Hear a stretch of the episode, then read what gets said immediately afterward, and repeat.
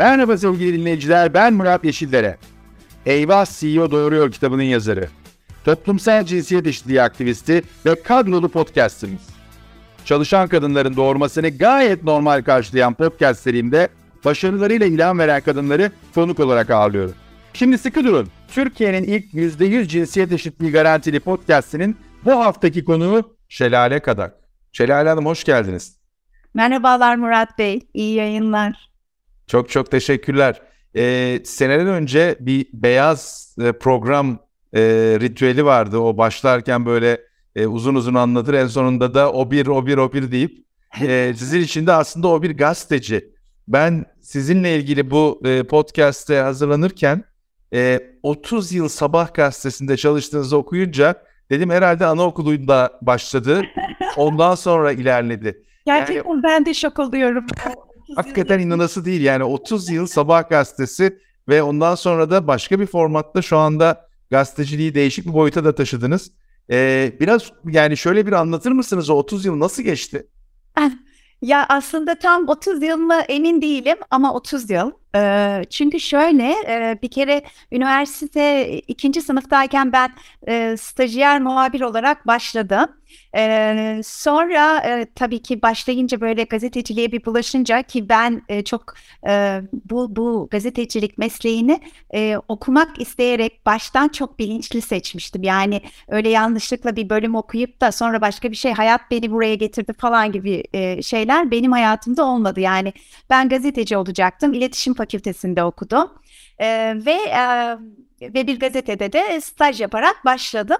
E, mezun olduktan sonra e, Amerika'da bir üniversiteye gitmek istedim. Birazcık işte aslında e, hedefim, hayalim diyelim e, master programına katılmaktı. Fakat önden e, Kaliforniya Üniversitesi'nin Riverside kampüsü. E, orayı seçmiştim. Ben e, Extension'a gidip gazetecilik ve e, broadcasting, e, televizyon, e, programlar almaya başladım. Bunları e, biz belirli bir şeyde alırsan bunlar e, sayılıyordu da yani e, sonra ders olarak saydırıyoruz. De, ama gazeteci yani sabah gazetesinden ayrılmamıştım yani gittim ve geri dönecektim. Nitekim birinci yılın sonunda geri döndüm ben dayanamadım. E, iki yıl e, muhabirlik yaptım e, ekonomi servisinde.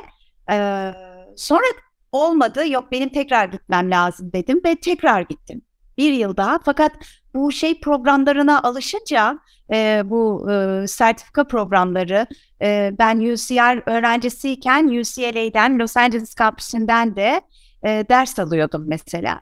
E, NBC'nin prodüsörü e, dersimize katılıyordu. E, çok hoşuma gitti. Kalabilirdim, devam edebilirdim. Fakat gazeteciliğe bulaşmış olmak çok tuhaf bir duygu. E, ben bununla baş edemedim. Yani e, Türkiye'de gazeteci, aktif gazetecilik yapıyordum ve e, iki yılda Amerika'da eğitim aldım. iki yıl arayla. Aslında o 30 yılın iki yılı da böyle. E, stajları falan çıkartınca demek ki yani 25 tam dolu yıl Sabah gazetesinde. E, ve tekrar döndüm. E, ve işte yani böyle bütün sektörleri özellikle tekstil sektörü ve e, otomotiv sektörü sonra e, bütün iş dünyası işte ilk 500 büyük şirket, TÜSİAD, bütün e, dernekler Türkiye'nin dört bir yanına dolaşarak işte gazetecilik tamamen ulaştım diyelim. Ve e, ondan sonra da 2020 itibariyle yepyeni bir bölüm açıyorsunuz hikayenin içine. Bu sefer de hani dijital medya bir şekilde YouTuber e, oluyorsunuz. O nasıl bir duygu? Bu aslında basının geneliyle de mi paralel bir... Ben aslında bu YouTuber e, kelimesini bizler için e, yanlış buluyorum, gazeteciler için. E, YouTuber'lara bakacak olursak böyle e, yani hasbelkader oradan başlayıp kanal açıp sonra o yaptıkları şeyle viral olup e, milyon abonelere giden bir grup doğdu, bir meslek oluştu. Onlara YouTuber deniyor. Ben gazeteciyim. Onlarla hiçbir alakam yok aslında. Ben ne yapıyorum? Ben e, mesleğimi yapıyorum ama benim mesleğimi icra ettiğim yer, yani benim e, bunu hayata geçirdiğim yer YouTube. Yani YouTube benim e, ne bileyim e, mesela kanalınız. Kumpaydım. Dükkan açtığım yer diye. Evet kanalınız aslında dükkan açtığınız yer. Dolayısıyla benim kanalımı açtığım yer. Dolayısıyla benim yaptığım şey hala gazetecilik. E, ama gazeteciliği dijital e, platformda yapmaya başladım. Açıkçası müthiş bir duygu. E, gazeteden ayrıldıktan sonra işte bütün sosyal medya e, hesaplarımdan bir açıklama yapmıştım. İşte e, ya bugüne kadar yüzlerce bilmiyorum bine ulaşmıştır. Ya bin, binlerce olmuştu. O kadar çok yazı yazdım ki her gün yazı yazıyordum yani. Ee, iş dünyasında iş insanlarının şirketlerin dijitalleşme öykülerini e, yazdım ve bugün artık benim dijitalleşmem başlıyor ve dijital platformlardan merhaba diye yaptım. Yani bir veda değil de aslında bir merhabaydı. Dolayısıyla ben e, böyle çok hızlı bir şekilde e, giriş yaptım. Ama biliyor musunuz bu, bu arada sizi tebrik ederim. Gerçekten e, 40'ı bulduğunu şu an e, öğreniyorum. E, çok güzel olmuş. E, bayağı da e, zaten bu podcast'i sürdürülebilir yapmak çok önemli bir şey. Yani bir hafta var, bir hafta yok falan değil yani. Sürekli istikrarlı bir şekilde siz de bunu başarmışsınız. Sizi tebrik ederim. Çok kıymetli isimlerle bir araya gelmişsiniz. E, ve de çok önemli bir konuda. E, ben de podcast'le başlayacaktım. Aslında YouTube'la başlamayacaktım. Bu podcast benim hayatımda e, 2015 yılına kadar gidiyor. Yani ben podcast dinlediğimde hiç kimse dinlemiyordu. Yani derken bazıları dinliyordu ama ben dinlemediklerini biliyorum. Çünkü ne zaman podcast'te şunu dinledim dediğimde podcast ne? O kadar çok insana podcast'te anlatmıştım ki işte podcast şu. Ben NPR, NPR radyo var, Amerika'nın sesli radyosu. Mesela önceleri hep onu dinliyordum. E, oradaki programları. Bu çok enteresan. Burada sözünüzü balla keseceğim çünkü çok benzer bir e, dönemde e, ben de Amerika'da böyle bir programın parçasıyken e, medya ile ilgili değil, iş dünyası ile ilgili orada hani kanalları e, üzerinden geçerken herkes sesin ne kadar güçlü olduğunu ve o gücün artacağını söylüyordu. Türkiye'ye geri döndüğümde hani bunu insanlara söylediğimde bana böyle boş gözlerle baktılar. Yani görüntü olmayan sesi kim dinler ki diye. Aradan geçen 6-7 yılda hakikaten çok enteresan bir geri dönüş oldu Türkiye'de de yani, podcast ses açısından. Müthiş bir ivme yaptı. Bunu şöyle söyleyeyim. E, ben bir kere hiç Türk e, podcast'i dinlemedim. E, 2020 yılına kadar diyeyim. Zaten de yoktu doğru düzgün herhangi bir şey. Zaten olsaydı fark ederdik. Ee, çok güzel şovlar var yurt dışında. Yani ben mesela Tim Ferriss, deli gibi Tim Ferriss dinliyorum. Yani herkese çok olağanüstü röportajlar yapıyor Tim Ferriss. Ee, ve Türkiye'de yani sen podcast'in P'sinden başlıyordun anlatmaya ve sonra da şöyle deniyordu yani bu iş olmaz, mümkün değil. Yani yok olmaz falan. Ben buna rağmen bu hayali kurdum. Hani ben podcast yapacağım, böyle çok güzel kendime programlar e, hayal ediyorum falan.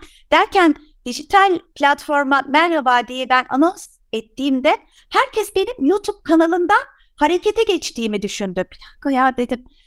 Doğru yani benim YouTube kanalım yok ama yapmak istediğim şeyin de görseli çok kuvvetli. Yani ben e, hayalini kurduğum e, şeyi de direkt söyleyeyim. Ben mesela ilk röportajımı da e, biliyordum. Ben Ali Koç'la röportajla başlayacaktım. Ee, işte doğruluk mu cesaret mi diye bir seri oluşturacaktım. Bunlar hazırdı. Podcast diye kafamda geçirirken e, hadi dedik e, YouTube tamam YouTube kanalını açalım. Öyle böyle çok hızlı normalde bunu hayalini daha önce kurmuş olsaydım ya da ne bileyim yani YouTube kanalını 10, 10 yıl önce ben 2012 yılında Şelale şey işte hayat diye e, bir program yapıyordum. O zaman A Haber e, bugünkü gibi e, politikanın içinde e, siyaset yapan bir kanal değildi. E, çok güzel programlar vardı. Ee, ve ilk kurulduğu yıl işte bana da dediler ki böyle bir program yapar mısın? Bir program, bir röportajlar. Sonra benim de işte Hayat diye bir e, köşem vardı. Onu resmen taşıdım e, televizyona ve yüze yakın program yaptım. Orada da böyle Mustafa Koç'la başladık. Güler Sabancı, Bülent Eczacıbaşı ya iş dünyasında e, önde gelen hangi isim varsa ben böyle tıkır tıkır tıkır tıkır ve her gün onlarla program yaptım. Aklımda olsaydı o gün belki kendi YouTube kanalımı kurar kenarda dursun derdim. Yani hani açık olsun. O zaman abone sayılarında belirli bir yere gelir. Hiç böyle bir şey düşünmüyordum. Düşünün yani Ali Koç röportajına başladığım e, zaman işte yakın çevrem olmuş ve biz gülüyorduk ha ha ha.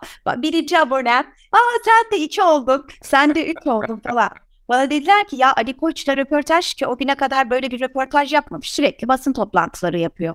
2020'yi düşünün. Fenerbahçe Başkanı basın toplantılarında görüyoruz ama hiç özel bir programda görmedik. Ya çok iyi bir isim. Acaba harcamasan mı? Hani biraz otursun YouTube kanalı. Ondan sonra çünkü bu çok iyi. Ee, böyle bir şey dendi ama benim aklıma uymadı. Hayır çok ciddi girelim. Hiç önemli değil dedim yani. Hani YouTube'da yap. Bir hayaliniz sizin başlarken evet. ben Ali Koç'ta başlayacağım diye. Yani bu hayal kurmak gerçekten çok önemli bir şey. Sizi çok e, e, başarıya götürüyor. Yani başarmak istediğinizi işte başarıyorsunuz hayalinize böyle sıkı sıkıya sarılınca.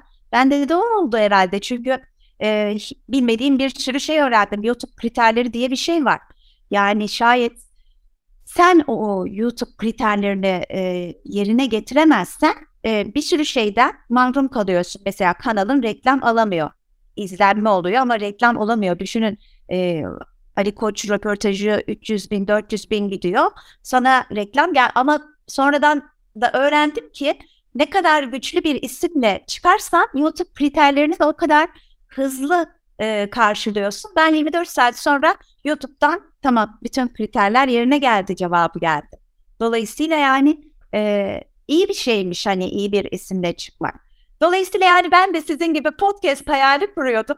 Üstelik bunu 2015 yılında hiç kimse düşünmüyorken kurup en sona ben kaldım. Hatta bir podcast açtım. Bir tane de podcast'im var sevgili Can Öz'le.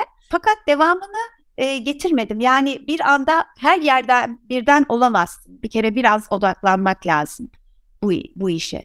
Ben Olur. YouTube'da e, programlar yapıyorum ve e, oraya odaklanıp orası için en iyisini yapmak lazım. Yani her yerde olma fikri de e, olmuyor. Yani bu YouTube'da yaptığım orada yayınlanabilir podcast'te ama podcast'te de yeni bir seri. Gerçekten çok fazla çalışmak lazım zaten. Çok doğru, çok doğru. Ee, aslında e, bu podcast'te toplumsal cinsiyet eşitliği konusunu odağımıza alıyoruz ve onun etrafında konuklarımızın gözlemleri dinliyoruz ve oraya da birazdan geleceğim ama bir soruyu da e, atlamadan geçemeyeceğim. E, hani gazetecilik diyoruz ama doğru ifade edemiyorum, biliyor muyum bilmiyorum. E, ben sizin e, mülakatlarınızda, sohbetlerinizde e, soru sorma kısmını da çok önemsiyorum. O da sanki bana muhabirlikle mi ilgili ya da o bilmiyorum hani nasıl iyi hazırlığın da sonucu mudur o? Birazcık onu da e, sizden duymak isterim. Çünkü e, hani doğru konuklar çok önemli ama doğru soruları sorduğunuzda doğru cevaplar geliyor. Ve o doğru soruların hazırlanması kısmı da çok değerli hem hazırlıklı sorular hem de takip sorularını ben e, çok iyi hazırlayıp yönlendirdiğinizi gözlemliyorum. E, onun için de bir soruyu da öyle sorayım size. Ya ben e, gerçekten e, hazırlanıyorum. E, zaten hazırlanmak çok önemli. E, zaten hazırlanmadan gitmeyi de düşünemiyorum konuğuna hazırlanmadan gitmeyi ama e, e, bazen de çok iyi bildiğin e, konular üzerinde e, isim yeni konu eski olabiliyor. E, Samimiyet çok önemli. Gerçekten bu karşındaki insana empati yapmak, e, samimi bir şekilde sohbet ortamında e, sorularını sormak çok önemli. Şeyden hiç hoşlanmıyorum böyle karşına alıp sanki sorguya çeker gibi tak tak tak tak. O benim tarzım değil. E, sert bir şekilde e, böyle karşı tarafı böyle hani incitmek için sanki buluşmuşsun gibi. Bir kere ben oradan beslenmiyorum. Ben e, benim bilmiyorum işte şelale kadak diye Google'a yazdığın zaman e, benim bugüne kadar yazdığım bütün köşe yazıları, e, imza attığım röportajlar genelde ben çok insanlara e, hayal kurduran, ilham veren, e, umut veren, ya ben de yapabilirim demek ki mümkün e, dedirten. Olumlu örnekler yaratma, evet, rol modeller yaratma. Evet, Şimdi e, hep böyle gazetecilik e, hep kötülükten de besleniyor. Yani eğer e, işte hani klasik şey vardır ya bir köpeğin e, insanı ısırması değil bir insanın köpeği ısırması. E, bu o kadar hani hep bunun üzerine e, gidilmesi sanki e, çünkü bu çok ses getirir, bu çok izlenir, bu çok okunur. E, evet belki haklılar fakat e, ben bunu çok e, acıtıcı buluyorum. Haklı e, sebeplerle yapılanlar tabii ki çok önemli. Yani e, neticede böylece iyiye ulaşıyoruz. Yani e, bu gazetecilik tabii ki yapılmalı. Yapana bu gazeteciliği e, böyle e, yapan arkadaşlarım var. Ben o alanı seçmemiştim. Ben daha e, böyle ben başarı öykülerine, umut hikayelerine, ilham hikayelerine ben hep onu hani böyle e, açıkçası mesela ekonomi sayfalarında e, kültür sanat yazan herhalde ilk gazetecilerden biriyim. Hep eleştirirlerdi beni yöneticilerim. Yani İKSV toplantılarına gittiğim için. E, yani öyle yine mi İKSV, yine mi şey e, bu sanatçıyı mı yazacaksın ekonomide üstelik ne oluyor ki yani falan böyle ya da e, temayla e, şeyleri dolaşıyoruz. E, Anadolu'yu Nihat Gökyiğit'le e, özellikle Nihat Gökyiğit'le bazen de Hayrettin Karaca'yla rahmetli e, bunlarla da pek ilgilenilmesi istenmezdi. Ya bunlar ne gerek var bunları yani yine mi temayla ilgili bir şey yazıyorsun yine ağaçlar ben bunları çok net hatırlıyorum. Arkamdan hatta bazı konuşmalar yapıldı. Yani şelalenin köşesinde yine bunlar var. Oysa ki gerçekten bak bugün artık bunlar hiç tartışılmıyor. Çünkü yani bunu bir, bir gazetecinin, bir gazete yöneticisinin bunu dillendirdiğini hani düşünün. Onun için neler olabilir? Yani bir 10 yıl öncesine dönün. Bunlar çok normal şeylerdi. Bunlar yazılmasın. Bunların üzerine gidilmesin. Yani kadın konusu ve birazdan sohbetine gireceğimiz toplumsal cinsiyet konuları yani asla. Dolayısıyla ne olursa olsun ben hiç vazgeçmedim. Yani ben yazdıklarımdan hiç vazgeçmedim. O soruları da ona göre hazırlıyordum. Yani sorularım öyle. Belki kısa bir şey söyleyeyim. Ya soruları uzun tutmamak çok önemli e, karşı tarafı konuşturmak için, konuşturmak için e, hala kendimi eğittiğimi söylemeliyim bu konuda. İnsan e, törpülemek istiyor kendine daha kısa sorular sormak için. E, öğrenmenin sonu yok. Ben de bu şekilde bir şey aslında öğreniyorum sizden.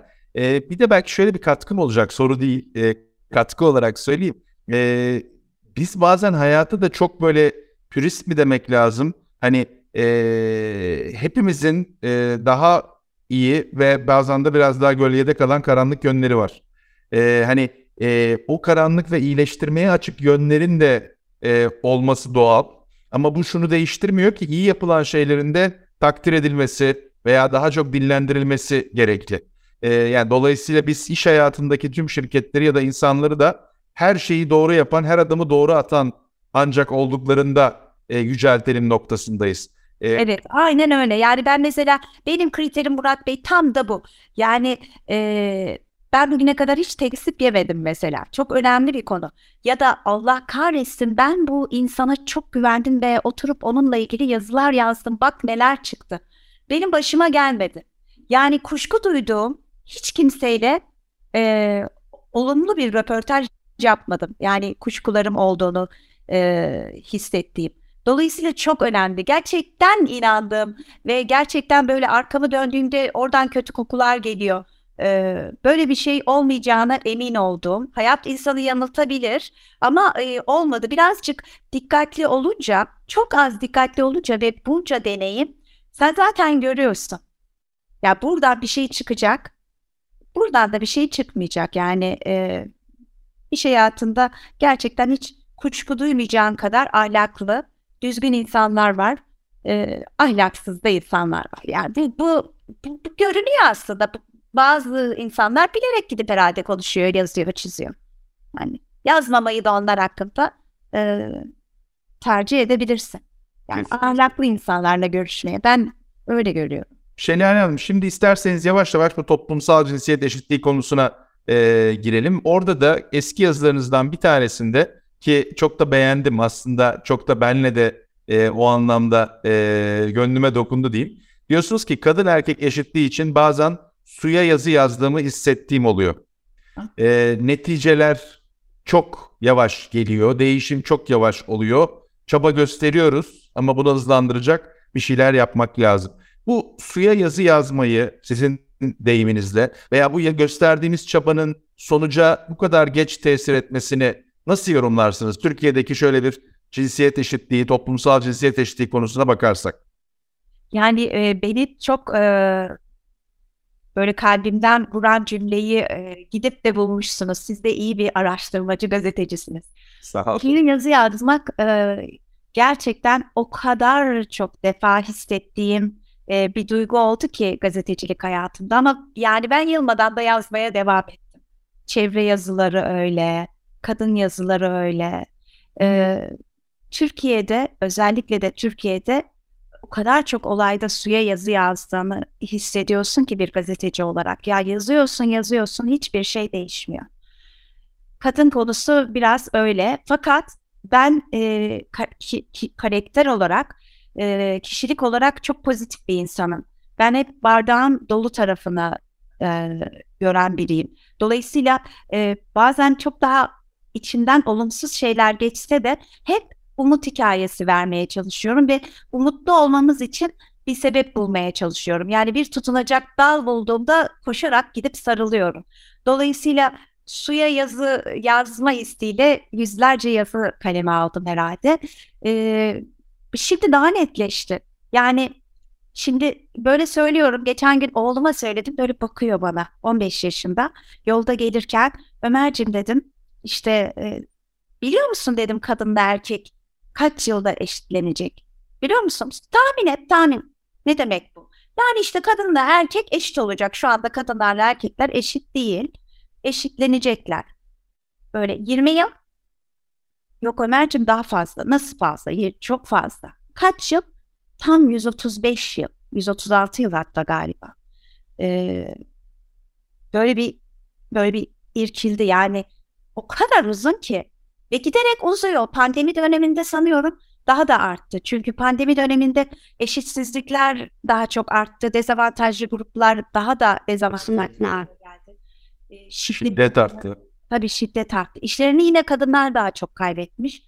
Ee, o yüzden çok çaba sarf ediyoruz. Ama bir arpa boyu yol gidemiyoruz. Gidemediğimizi de görüyoruz. Fakat ben e, yine de hiç böyle umutsuzluğa kapılmamamız gerektiğini düşünüyorum. Yani herhalde ki ışık, tünelin sonunda bir ışık var. Ee, şimdi şimdi çok daha fazla konuşur olduk.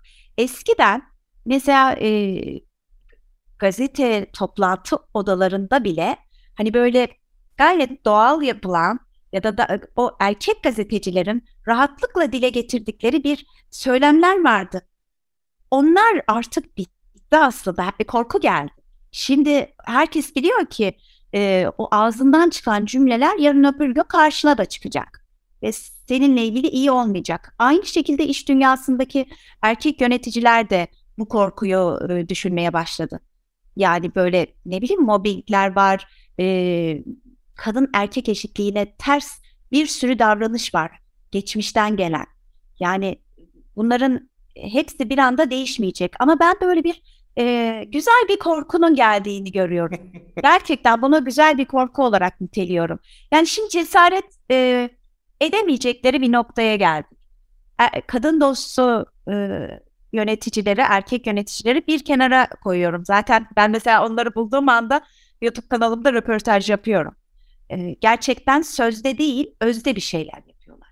Ha ben şeyden artık nefret ediyorum. Böyle çıkıp çıkıp demeç veriyorlar ya gidiyorsa şirketine bakıyorsa hiçbir şey yok. Yönetim kurulu komple erkeklerden oluşmuş. Erkeklerin verdiği kararlarla kadınlar perişan. Yani bunları artık toplum yemiyor. Ve de sosyal medya çağında hani bunlar saklanamıyor da. Saklanamıyor yani. Bir gün birisi işten çıkıyor, ertesi gün soluğu sosyal medyasında alıyor. Tak tak tak tak anlatıyor. Dolayısıyla yani sen böyle sözde bir şeyler yapınca bu sana geri dönüyor. O yüzden bir şeylerin değişeceğini düşünüyorum ama e, çok uzun yıllar alacak. Öyle görünüyor yani ne kadar çabalarsak çabalayalım. Fakat iş dünyasında ciddi hareketlenmeler var. Yani belki biraz evvel sizin bıraktığınız yerden şöyle devam edeyim. Ee, sizin oğlunuz veya o nesil e, aslında cinsiyetsiz e, imajlar, avatarlar belki görüyor ve o açıdan da hani o farkın ne olduğunu anlamakta da zorlanıyor. E, o sebeple de onlar belki karar noktalarına gelmeye başladıkça yani bu nesil dönüşümü belki de toplumsal cinsiyet dönüşümünü de sağlayacak toplum açısından bakıldığında. Ama Murat Bey kodlarla beraber geliyorlar. Ben mesela oğlum Ömer'in bir taraftan da toplumun o kodlarını da almaya başladığını hissediyorum. Çünkü bir tek beni görmüyor şu hayatta büyürken. Okula gidiyor, e, alışveriş merkezine gidiyor, sokaklarda yürüyor. E, başka kodları kodlar alıyor. Öyle hissediyorum ve hani başıma gelmesin yani diye dua ediyorum. Yani ben oğlumu gerçekten e, eşitlikçi, kadın erkek eşitliğine inanan bir birey olarak yetiştirdiğimi ummak istiyorum. Ama toplum her taraftan başka bir şey veriyor. E, maruz kaldığı bir sosyal çevre oluyor. Ne bileyim işte e, televizyonlar, televizyonların etkisi o kadar yok belki de ama yine de var. Çok doğru, doğru. Aslına bakarsanız o da doğru. Yani başka bir e, dalga da var e, üzerimize doğru giden ve o değişmiyor. Evet o değişmedikçe bu nasıl olacak yani? O değişmeden de nasıl olacağı çok şey. Ama Peki. tebrik ederim sizi. Yani özellikle bu konuya e, önem veren bir podcast yapıyorsunuz yani istikrarlı bir şekilde. Ama ben sizi zaten e, Twitter'dan e, da sıkı takip ediyorum. Her zaman kadın dostum.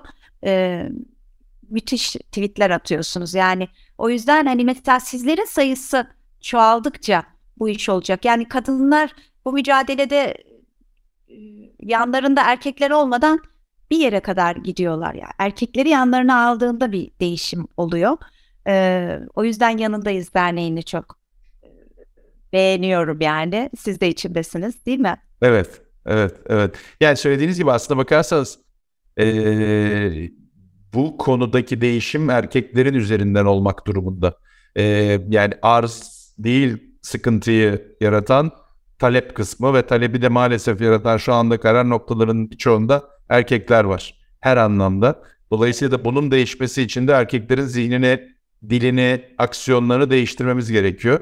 Ee, ben birazcık onun için mücadele etmeye çalışıyorum. Çok teşekkürler e, nazik sözleriniz için. Peki iş hayatına birazcık buradan da girelim. Çünkü siz iş hayatına çok farklı açılardan, çok farklı lenslerle bakma e, imkanına da sahipsiniz.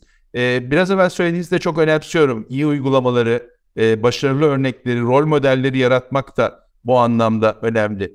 E, biraz evvel söylediğiniz açıdan bakarsanız bu konunun e, toplumsal cinsiyet eşitliğinin kabul edildiği organizasyonlarda aslında performansa yansıdığı, iş huzuruna yansıdığı, eşitliğin çalışma ortamına yansıdığı ve bu anlamda da etkinliğin verimliliğin arttığı da gözüküyor. Hala buna direnenler, bu biraz evvel bahsettiğimiz bilinçsiz önyargıları çok güçlü olanlar mı?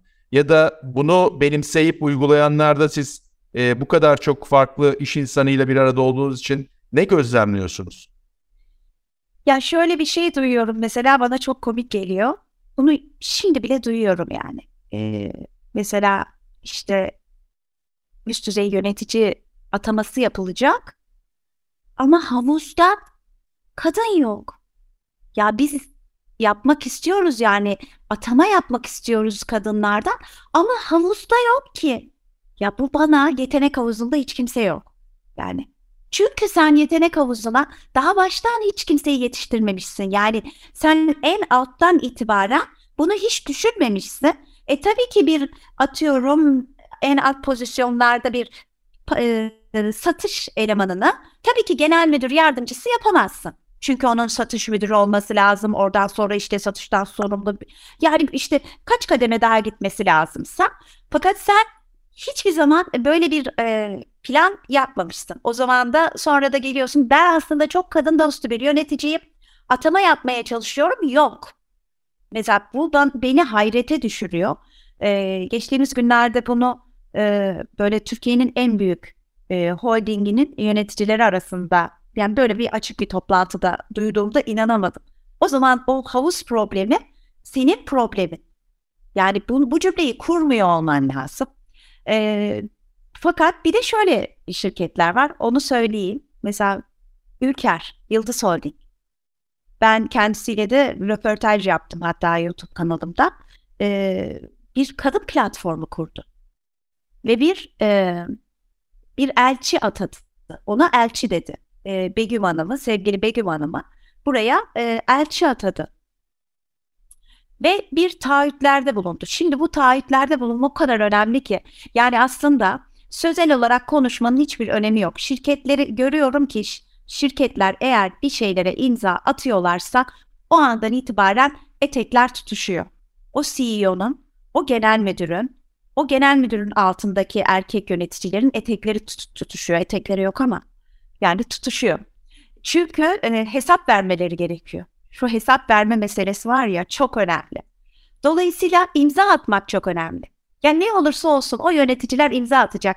Ben işte bundan sonraki alımlarda kadın erkek eşitliğini ön plana alacağım. E, kadın bulana kadar o pozisyona, e, kadın e, aday da bulana kadar atama yapmayacağım gibi. Yani bunun çok örneği var. E, bunu söyledikten sonra mesela bu yıl e, e, o bir yıl geçti. Geçenlerde Yıldız Holding bir yılın sonuçlarını açıkladı. Şu an tabii tam rakamı unuttum ama nasıl bir artış vardı biliyor musunuz? Yani gözle görülür somut bir şey oldu orada. Bir kırılım, kırılma yaşandı. Ee, birdenbire kadınlar kadınlara e, şans verildi. Şans değil ya, hakları veriliyor aslında. Ne şansı? Tabii tabii. Eşit fırsat veriliyor aslında. Eşit fırsat veriliyor. Yani eşit fırsat veriliyor. Mahrum edildikleri e, haklardan yararlanıyorlar ve birden orada bir şey değişiyor. E zaten e, Murat Bey siz benden daha iyi bilirsiniz. Estağfurullah. Bu kadınların e, yönetime geldiği, kadınların e, eşitlendiği, e, yönetim karar verme e, mekanizmalarında e, eşitlendiği şirketlerde verimlilik çok artıyor, performans e, yukarı çıkıyor. İşte e, ya, yani cirolarını etkiliyor, yani büyümelerini pozitif anlamda etkiliyor. Ben buna hayret ediyorum. Hayret ediyorum. Bu bu ispatlanmış. Bu böyle Nobel ödüllü profesörler tarafından dile getiriliyor. Ki ben bunu kaç yıl önce dinlemiştim. Türkiye'ye Akbank'ın getirdiği bir profesör e, bununla ilgili araştırmaları anlatmıştı. E, bunlar böyle net matematiksel gerçekler ve bunu yapmıyorlar. Yapmıyor CEO'lar, e, genel müdürler, yönetim kurulu başkanları. Yapmıyor ben hayret ediyorum yani. Gerçekten hayret ediyorum. Sizin bu bahsettiğiniz e, e, havuzda kadın yok e, konusu aslında benim e, bu konuya e, olan tutkumu daha da birkaç kademe arttıran e, şey, şey cümlelerden birisidir. Yaklaşık 10 sene kadar önce ve ondan sonra biz Sabancı Üniversitesi ile birlikte e, benim mensup olduğum Egon Zender e, bir e, yönetim kuruluna hazır kadın havuzu yarattık. Şu anda 300 küsür tane kadın var bunun içinde. Takip ediyorum evet. Ve halka açık şirketlere diyoruz ki e, hani bulamıyoruz diyorsunuz ya biz havuzdan size bulmaya talibiz ve bununla ilgili de bir e, ödeme, ücret hiçbir şey de istemiyoruz bilabede. Buna rağmen başvuran şirket sayısı yılda 6-7. 400 tane halka açık şirket var. 140 tane şirkette şu anda işte en son Sabancı'nın e, sizin de izlediğiniz e, sonuçları açıkladı Sabancı Üniversitesi. 140 şirkette borsada 400 şirketin içinde hiç kadın yönetim kurulu üyesi yok. Ve buna rağmen yılda 6-7 tane talep alıyoruz. E, dolayısıyla çok haklısınız. Yani o ben ona bir göz kararması mı oluyor, bir perde mi iniyor? Bence bu iki yüzlülük. Yani söylemde çok eşitlikçi, eylemde sıfır. Yani eylemde hiçbir şey yok. Bu bir iki yüzlülük. Bunu bence olabildiğince çok sürekli dile getirmek lazım. Yani o halka açık şirketlerin normalde hisselerinin düşmesi lazım bu sebepten. Ya ben inanamıyorum hala 2022 yılında bunu konuşuyoruz. O halka açık şirketler göz göre göre e, yönetimlerine kadın almamakta direniyorlar. Yani daha, değerlerinin düşmesi lazım sırf bu sebeple. Daha da çarpıcısını söyleyeyim. Borsada sürdürülebilir endeksinde olan yönetim kurulunda kadın olmayan şirket var. Şimdi e, hani anlatmak hakikaten çok çok e, zor ve açıklamak da çok zor. E, buradan aslında e, farklı bir konuya yani bağlantılı ama farklı bir konuya gidelim. Çünkü e, aynı konuyu biz siyasette de yaşıyoruz. E, temsil açısından da büyük bir sıkıntı yaşıyoruz. Ki orada da e, benzer durumlar e, söz konusu. E, bu podcast'te hiçbir zaman biz siyaseti ideolojik boyutuyla dile getirmiyoruz ama yani demin konuştuğumuz fırsat eşitsizliği orada da kadınların önünde engel olarak yer alıyor. Evet zaten e, tabii ki yani e, bu zaten siyaset üstü bir şey. E, bütün siyasi partilere de böyle bakmak lazım. Yani hepsine e, böyle doğrudan bakıp kadın var mı yok mu diye bakmak lazım ve e, açıkçası bence hep sınıfta kaldı bugüne kadar.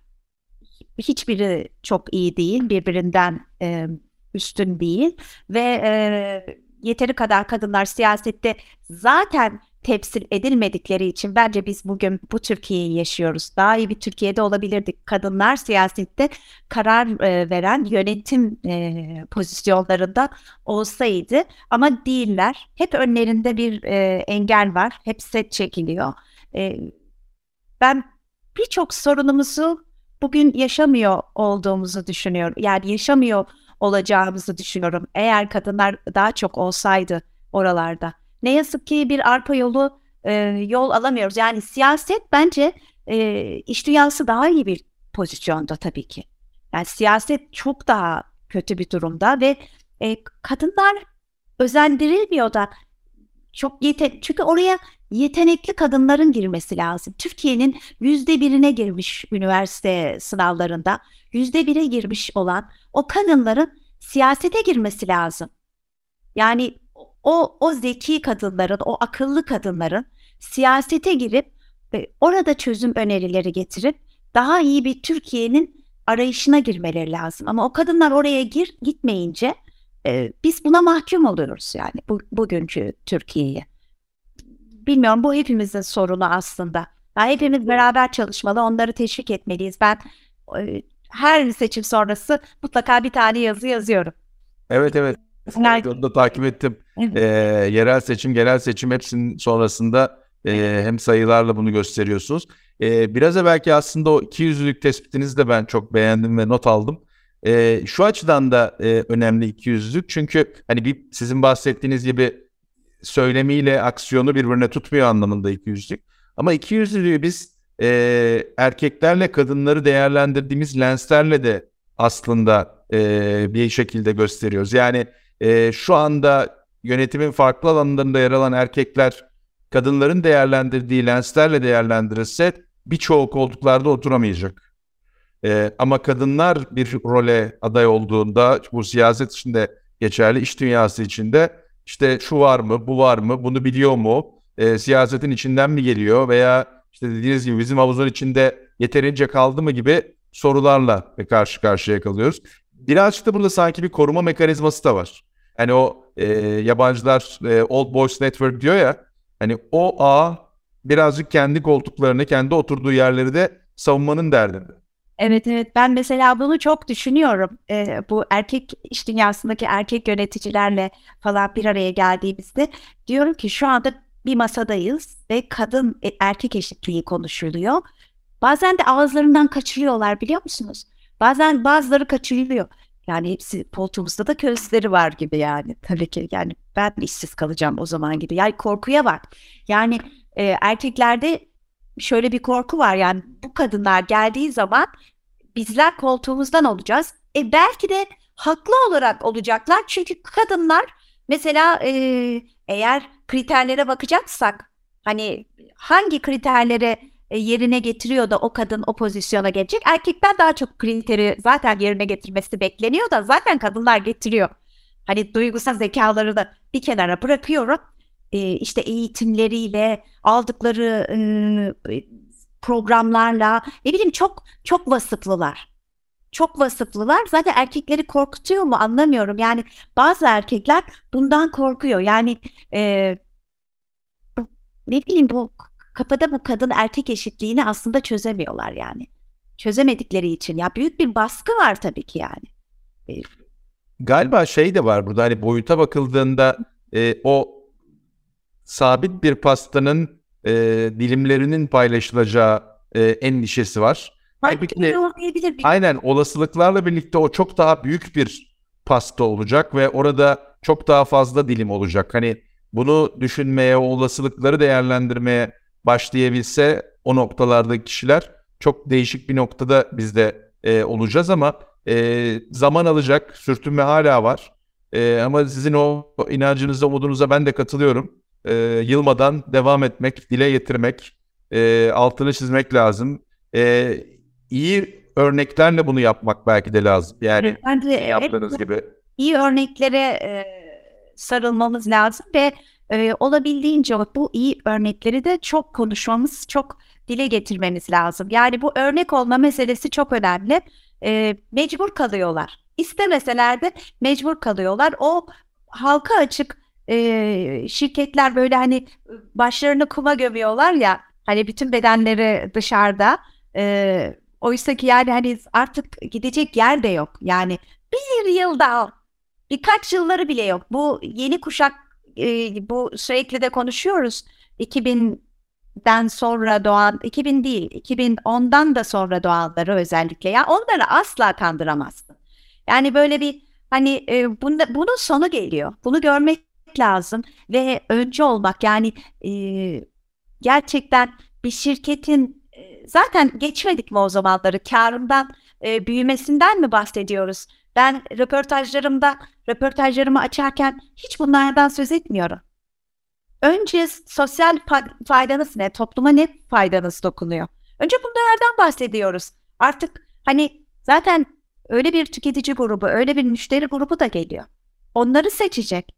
Ne kadar işte ne kadar duyarlı çevreye, topluma, kadına, dezavantajlı gruplara, çeşitliliğe ne kadar önem vermiş. Ya bunlar gerçekten çok önemli ve bunu görmezden geliyorlar. Fakat bence sıkışıyorlar. Tamamen sıkışıyorlar. Ee, o yüzden umut hikayelerine e, çok ihtiyacımız var ve onları görünür kılmaya ve daha çok konuşmaya. Hiç yılmadan. Bu program o yüzden çok önemli. Daha çok kişi izlesin, dinlesin. Daha çok kişi dinlesin ve e, ne bileyim harekete geçsin. Aksiyon planını hazırlasın. Bizi onlar da görsün yani. Süper, harika. Ee, yavaş yavaş süremizin sonuna geliyoruz ama e, bir noktada da sizin görüşlerinizi almadan e, kapatmak da istemiyorum. O da şu, aslında birazcık da o e, kısmı siz de e, dile getirmeye başladınız. Ben genellikle podcast'te e, bu mücadele içinde kadınlara e, bir tavsiyemiz olabilir mi de konuşuyorum. Çünkü e, bir taraftan da hani kadınların e, bu bahsettiğimiz demin konuştuğumuz yılmazlığı göstermeye devam etmesi, mücadeleye devam etmesi de çok çok önemli. E, çünkü maalesef bunu da görüyoruz. Hani bazı kadınlar o enerjiyi, umudu kaybederek de geri de çekilebiliyorlar. İş hayatına girmemeyi ya da iş hayatında belki daha agresif olmamayı tercih ediyorlar. Fakat izin verirseniz e, konuklarım da e, özür diliyorum dinleyenlerim de beni affetsinler. Sizi bulmuşken bu soruyu birazcık değiştirerek gene ben biraz evvel odaklandığımız noktaya geri dönmek istiyorum. O da e, siz çünkü iş hayatındaki insanlara çok farklı lenslerle değişik açılardan bakan bir insansınız, bir gazetecisiniz. O lensleri düşündüğünüzde biraz evvel başladığınız cümleleri belki birazcık daha sayısını arttıralım. E, şunu duyuyorum sizden. Aslında e, eskiden olduğu gibi karla, işte pazar payıyla, e, büyüklükle değil, e, sürdürülebilirlikle, çevreyle, e, çeşitlilikle, kadına verilen e, önemle, saygıyla e, şirketleri e, ölçmeye, değerlendirmeye doğru gidiyoruz. E, bunlar olmadan diğerinin zaten olması sanki mümkün değil diye. Bunun altını birazcık çizebilir miyiz? Yani bu iyi örnekler e, değil aslında konuştuğumuz, aslında hayatta kalmanın yolu gibi bir dünyaya doğru gidiyoruz. Yani neticede çünkü e, eğer e, bunu da yani bunu tabii ki ben söylemiyorum. Ay o kadar güzel araştırmalar yapılmış ki. Yani bir bakacaksın. Bu kadar basit. Bir şirket yöneticisi bakacak. Neler yapılmış, ne sonuçlar çıkmış. Ee, ne bileyim yani bu raporlardan bir şeyler çıkıyor ve bunlar doğru aslında. Dolayısıyla görülüyor ki e, sosyal fayda, sürdürülebilirlik, çeşitlilik, e, kadınlara verilen önem arttıkça şirketlerde o şirketler aslında büyüyor. Karları e, artıyor. E, daha beğenilen e, şirketler haline geliyor. Beğenilen şirket oluyor yani. Tercih edilen oluyor. E sen zaten amacın kar etmekse baştan benim amacım kar etmek e, ve büyümek. E sen bunlara ulaşmak istiyorsan öbür türlü ulaşamayacaksın çok yakın bir zamanda. E, ve e, öyleyse neden bunları yapmıyorsun? Neden? Yani bu e, bu e, şey aslında burada en önemli konu şu. Akıl e, şey düşünme yapısının değişmesi gerekiyor. Yani e, bizim farklı düşünmeye ihtiyacımız var. Bu şirketleri yöneten erkeklerin e, farklı düşünmeye ve e, kadınları dinlemeye ihtiyacı var. Gerçekten çok güzel kapılar açılıyor. Eğer dinlerlerse. E sonunda istedikleri de olacak. O şirketleri çok büyüyecek, çok kar edecek. Ama bu hani akıllarına soksunlar ki bu kadınsız olmayacak. Kadın erkek eşitliği olmadan çok yakın bir zamanda bu olmayacak. Bence bunu herkesin aklına, kafasına sokması lazım yani. Çok önemli. Belki sizin başlattığınız bir önceki cümleyle de bunu devam ettireyim. Ancak bunu yaparlarsa o yetenek havuzları dolacak. Aksi takdirde e, en başarılı kadınları o kurumlara, organizasyonlara çekmek de mümkün olmayacak. Çünkü evet, kadınlar yani, da o değeri gördükleri, buldukları yerlerde e, olmak isteyecekler. Tabii tabii yani biz göreceğiz e, Murat Bey. Çok yakın bir zamanda bazı o yere göğe koyamadığımız şirketlerin e, ölüşüne, e, piyasadan gidişine, bazılarının da inanılmaz yükselmesine e, tanıklık edeceğiz. Dün ben e, bir toplantıdaydım. E, Paribu ve e, Paribu sanata destek olmaya başladı. İki yıldır gözle görülür bir şekilde. Geçen yıl bu zamanlar biz bir yemekte buluştuk İKSV yöneticileri ve Paribu'yu e, kuran e, Yasin Bey ile beraber. Bu yıl tekrar bir araya geldik. Geçen yıl sadece İKSV'yi destekliyorlardı. Bu yıl İKSV'nin yanına 3 sanat kurumunu daha koymuşlar. Ve o 3 sanat kurumu da çok zor zamanlar geçirdi e, pandemiden do- dolayı. Bir tanesi Dastas, işte diğeri Bozcaada Jazz Festivali gibi.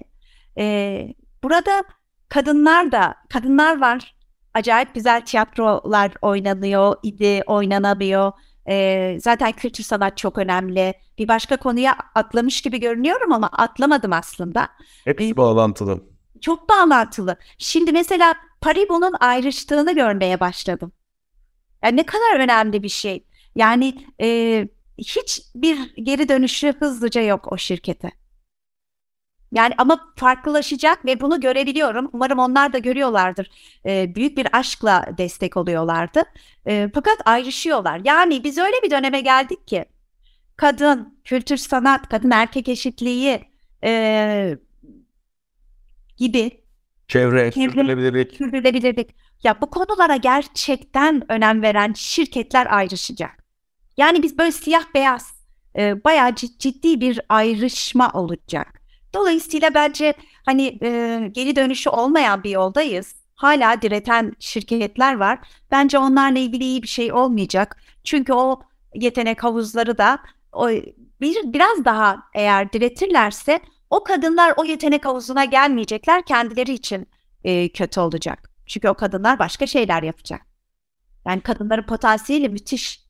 Gerçekten. Çok doğru. E, hatta bir de şöyle bir katkıda bulunmak isterim. Eğer siz de e, uygun görürseniz sizin söylediğiniz o farklı alanlarla ilgili olarak da e, ben bunların hani ayrışmadığını düşündüğüm gibi e, zihnin içinde bunlarla ilgili değerlendirme merkezinin de aynı olduğu düşüncesindeyim. Yani hani ben kadın erkek eşitliğini destekliyorum ama e, kültür sanat değil benim önceliğim diye bir dünya yok. Aslına bakarsanız bunu tamamıyla kucakladığımız bir hayattan bahsediyoruz. İlla finansal destek vermek zorunda değilsiniz. Ama hani çalışanlara bu anlamda yaklaştığınız zaman e, dünyayı tam anlamıyla kucaklayarak ilerleyebiliyorsunuz. Aksi takdirde hani ben bunu yapıyorum diğeri için zamana ihtiyacım var diye bir dünyayı da geçtik şu anda. Geçtik gerçekten tabii. Mesela ben size şimdi e, Paribu ile ilgili bunları söyledim ama tabii ki merak ediyorum kadınlar nasıl Paribu'da? Yani öyle bir taraf çok iyi öbür taraf yok öyle bir dünya da kalmadı gerçekten ama yok öyle bir şey yok ama da yok yani. Hepsine yeteri kadar bir de bu kadar zor mu ya? Ben bunu özellikle bunu anlayamıyorum gerçekten. Hani yani sonunda bir başarı var.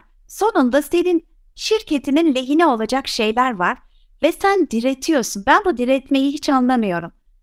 Yani sanki hani kadınlar gelirse şirket batacak. Ya bütün istatistikler diyor ki şirket daha iyi olacak. Daha karlı olacak. Ya peki neden diretiyorsun? Yani kadına mı düşün? Ben de orada hep şunu soruyorum hani herkese şu anda çevrenize bakın ekonomik sisteme, siyasal düzene, savaşlara, mutsuzluğa, huzursuzluğa bundan memnun musunuz? Eğer memnunsanız bu oyunu böyle oynamaya devam edelim. Zaten bu kararları kimler verdi şu andaki savaş kararları? Onu demek istiyorum yani daha. Haritanızdaki e, karakterlere bakın. Aynen. Her yerden bir erkek çıkıyor. Aynen öyle yani pandemi gösterdi ki e, aslında pandemiyi dahi iyi yöneten birçok ülkenin e, lideri kadın liderlerdi. Yani hani burada kadın erkek fetişine veya onlar daha iyidir, onlar daha kötüdür değil. Aynı ortamda olup o çeşitliliğin e, yaratacağı değere aslında odaklanıyorum. Bir de sizi dinlerken aklıma şey geldi. Hani e, 2015'ti yanlış hatırlamıyorsam e, Trudeau Kanada'da ilk kabineyi açıkladığında ki kadınların çok olduğu bir kabineydi. Ya, Böyle bir soru soru gelmişti. Hani niye bu kadar çok kadın koyduk diye koydunuz diye. Ee, adam sadece 2015 yılındayız dedi. Hani soru bu kadar, cevabı da bu kadar. Şimdi Böyle bir 2023 soru oldu. yılında konuştuklarımıza bakın bizim e, 2022 yılındayız. Yani e, dolayısıyla umut ediyorum çok uzamadan bu e, hem bu soruları hem bu cevapları ortadan kaldırıp biz gerçekten ileriye doğru gidebilecek farklı şeyleri konuşabiliriz. Evet evet. En azından biz hep farklı şeyleri konuşmaya devam edelim. Ben e, gerçekten e, biz o o günden bizi aşağı çekmemeli. Ben hep gündeme ters e, gazetecilik yapmaya çalışıyorum. Yani o gündem her şeyin üstüne örtüyor ya. Konuşmamız gereken o kadar önemli konularımız var. Saçma sapan gündemlerin esiri oluyoruz ya. On, on, ona bir kere savaş, ona savaş açmalıyız. Yani biz kadını, kadın erkek eşitliğini, doğayı, çevreye, e, işte sürdürülebilirliği bunları konuşmaya devam etmeliyiz ve asla yolumuzdan vazgeçmemeliyiz ki bir başarı gelsin. Harika. Bu bu cümleyle bitirelim çünkü ben de bayılıyorum buna. Her seferinde bunları konuştuğumuzda ya işte memleket elden gidiyor, savaşlar var, ekonomi, siyaset diye e, duyuyoruz. Aslında sizin söylediğiniz gibi diğerlerini konuşmadan bunların olmaya devam edeceğini görüyor olmamız lazım. Bence de Yani- kesinlikle. Yani Öncelikle bunları çözmemiz lazım. diğer gündemi konuşmalıyız ki ana gündem değişsin. Yoksa değişeceği yok. Biz Aynen. iki gündemi konuşmaya devam etmeliyiz. Şelale kadar çok çok teşekkür ediyorum. Ağzınıza, önünüze sağlık. Merakınız için, enerjiniz için, gazeteciliğiniz için. Bugün burada bizimle olduğumuz için sağ olun. Murat Bey çok teşekkür ederim. Gerçekten e, çok keyif aldım. İnsan başlarken aha ne konuşacağız falan oluyor. Fakat şimdi de bitmesin istiyor. E, ne güzel e, aynı tarafta olmak ve e, heyecanla e, bu konuları konuşmak. Ben bana da e, yer verdiğiniz için bu programda çok teşekkür ediyorum size. Eyvah CEO Doğruyor da bu hafta konuğumuz Şelale Kadak oldu. Önümüzdeki hafta farklı bir kadın liderle tekrar bir arada olmak üzereyiz.